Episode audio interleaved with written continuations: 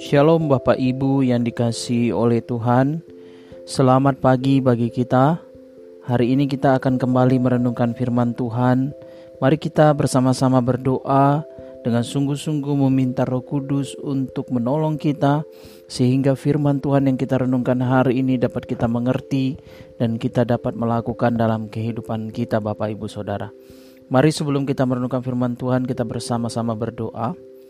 Terima kasih untuk kebaikanmu di pagi hari ini. Tuhan masih memberikan kami kesempatan untuk merenungkan firman-Mu. Kami mau terus menjadi jemaat yang bertumbuh di dalam setiap firman Tuhan yang kami renungkan setiap hari ya Tuhan. Kami membutuhkan firman-Mu sebagai penerang bagi jalan kami, penuntun bagi jalan kami sehingga kami terus menerus ada di dalam jalan-jalan uh, yang Tuhan kehendaki dan kami terus menerus bertumbuh menjadi umat Tuhan yang semakin hari semakin mengasihi Tuhan. Terpujilah namamu dalam nama Tuhan Yesus kami berdoa. Haleluya. Amin. Bapak Ibu Saudara yang dikasih oleh Tuhan, renungan kita pada pagi hari ini diambil di dalam Yesaya pasal yang ke-25. Kita sudah sampai dalam pasal yang ke-25 dari renungan kita dalam kitab Yesaya.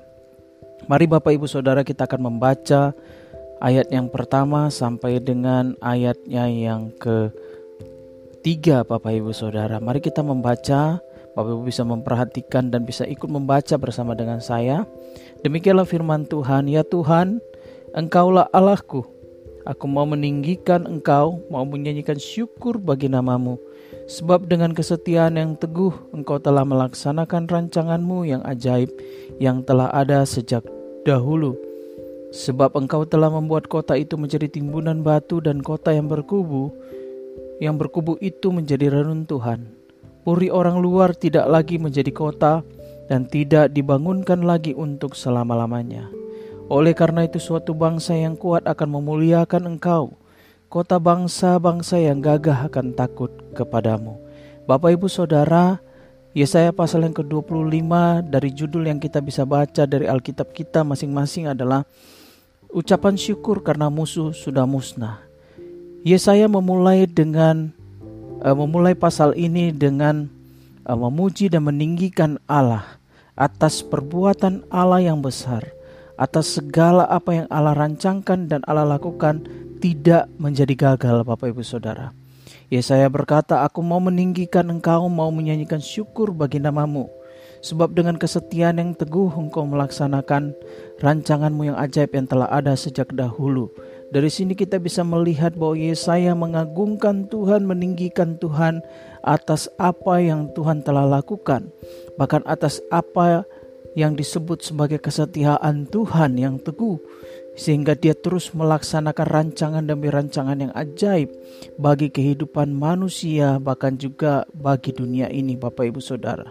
Di dalam ayat yang kedua Yesaya melanjutkan dengan sebab engkau telah membuat kota itu menjadi timbunan batu dan kota yang berkubu menjadi reruntuhan. Yesaya melanjutkan dengan memberitahukan alasan daripada dia memuji meninggikan Tuhan sebab rancangan Tuhan yang penuh dengan kesetiaan itu dilaksanakan oleh Tuhan oleh karena salah satu wujudnya melalui Tuhan membuat kota sebuah kota menjadi timbunan batu dan kota-kota yang berkubu menjadi sebuah reruntuhan. Puri orang luar tidak lagi menjadi kota dan tidak dibangunkan lagi untuk selama-lamanya. Saya meninggikan dan memuji Tuhan oleh karena perbuatan Tuhan menjadikan sebuah kota timbunan batu. Kota berkubu menjadi reruntuhan, puri tidak dibangunkan lagi karena sudah dimusnahkan atau sudah diruntuhkan Bapak Ibu Saudara. Alasan daripada rancangan Tuhan ini sebenarnya ada di dalam ayat yang ketiga sampai seterusnya Bapak Ibu Saudara. Dikatakan oleh karena itu suatu bangsa yang kuat akan memuliakan engkau. Kota bangsa-bangsa yang gagah akan takut kepadamu. Jadi rancangan Tuhan dan perbuatan ajaib Tuhan yang dipuji oleh Yesaya dalam pasal ini sebenarnya bermaksud untuk membuat orang-orang atau bangsa-bangsa itu memuliakan Tuhan Bangsa-bangsa yang sekalipun menjadi bangsa yang besar akan takut kepada Tuhan. Oleh karena Tuhan dengan kesetiaannya melaksanakan rancangannya supaya semua orang akan sujud menyembah kepadanya takluk di bawah kekuasaannya. Jadi kota-kota yang berkubu, timbunan-timbunan yang yang penuh dengan batu dari sebuah kota, puri yang ada di sebuah kota diruntuhkan dan Yesaya bersyukur untuk hal ini oleh karena supaya orang-orang yang memiliki hal itu tidak lagi menyombongkan dirinya. Mereka tidak lagi mengandalkan semua itu sebagai sebuah pertahanan dan dan benteng bagi kota. Tetapi mereka memuliakan Allah, datang kepada Allah dan orang-orang yang merasa gagah menjadi takut kepada Allah. Kemudian di dalam pas ayat yang keempat dikatakan sebab engkau menjadi tempat pengungsian bagi orang lemah, tempat pengungsian bagi orang miskin dalam kesesakannya, perlindungan terhadap angin ribut, naungan terhadap panas terik. Sebab amarah orang-orang yang gagah sombong itu seperti angin ribut di musim dingin. Bapak ibu saudara tujuan daripada rancangan Allah yang mulia yang dipuji oleh Yesaya adalah membuat kota-kota yang berkubu, kota-kota yang gagah, itu takluk di dalam kemuliaan Tuhan. Mereka kemudian akan datang kepada Tuhan oleh karena tidak ada lagi perlindungan, oleh karena tidak ada lagi yang dapat diandalkan untuk menolong mereka, karena sehingga mereka akhirnya datang kepada Tuhan. Sehingga bahwa benarlah Tuhan adalah tempat pengungsian bagi orang yang lemah, yang telah kalah, yang tidak berdaya, yang tidak punya apa-apa untuk melindungi mereka. Tuhanlah satu-satunya yang dapat melindungi mereka. Kemudian Tuhan juga merupakan pengungsian bagi orang miskin yang sudah kehilangan banyak hal. Jadi perbuatan ajaib Tuhan dan rasa syukur Yesaya atas apa yang terjadi, kehancuran yang terjadi. Ini tujuannya adalah supaya orang-orang memuliakan Allah. Orang-orang hanya mengandalkan Allah satu-satunya perlindungan Bapak Ibu Saudara. Dalam hal ini, dalam konteks Yesaya tentunya ini berbicara tentang orang Israel. Yesaya ingin memberitahu melalui kebenaran firman ini bahwa orang Israel tempat perlindungan mereka, tempat pengungsian mereka, tempat yang harus mereka andalkan bukanlah kota-kota mereka yang berkubu, bukanlah benteng-benteng mereka, bukanlah puri-puri mereka yang memberi perlindungan, tetapi Tuhan satu-satunya yang menjadi tempat perlindungan. Bapak Ibu Saudara, dari hal ini apa yang bisa kita pelajari? Yang bisa kita pelajari dari Yesaya pasal 25 ayat 1 sampai dengan 4 Bapak Ibu Saudara adalah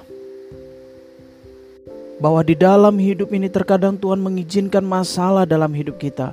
Terkadang Tuhan mengizinkan hal-hal yang kemudian membuat kita akhirnya merasa bahwa kita telah jatuh, kita telah menjadi tidak berdaya, kita tidak sanggup melakukan segala sesuatu supaya kita datang dan memuliakan namanya.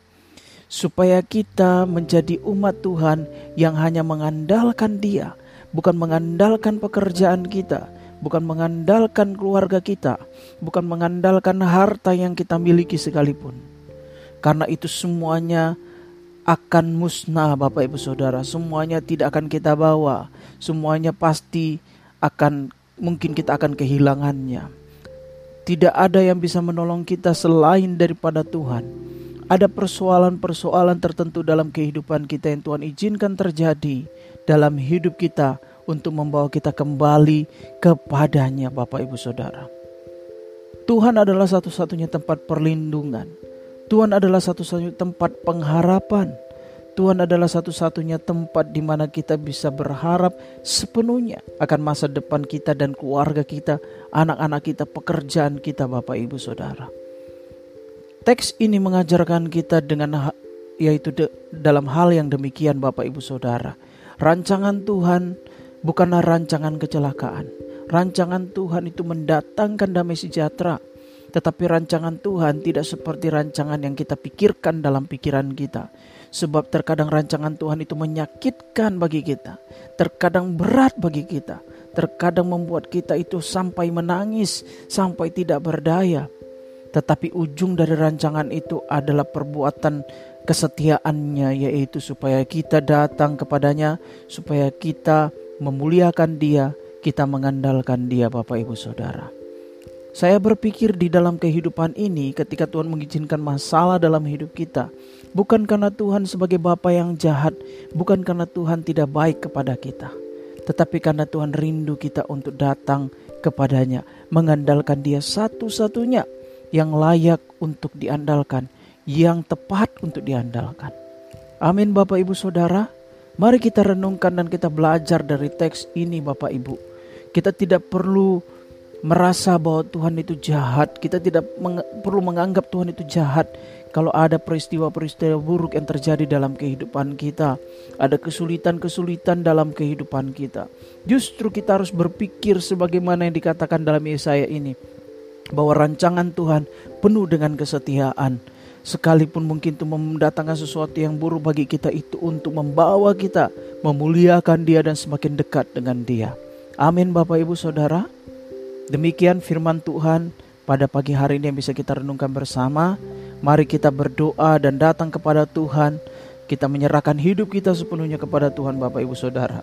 Mari kita berdoa.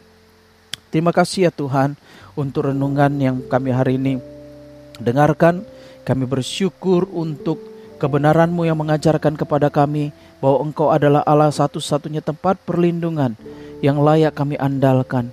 Segala sesuatu yang Engkau, yang engkau izinkan terjadi dalam kehidupan kami uh, membuat kami membawa kami mendekat kepadamu, kembali kepadamu, mengandalkan Engkau satu-satunya yang sanggup menolong kami. Terima kasih ya Tuhan untuk kebaikan-Mu bagi kami. Di dalam nama Tuhan Yesus kami mengucap syukur dan berdoa. Haleluya, haleluya. Amin.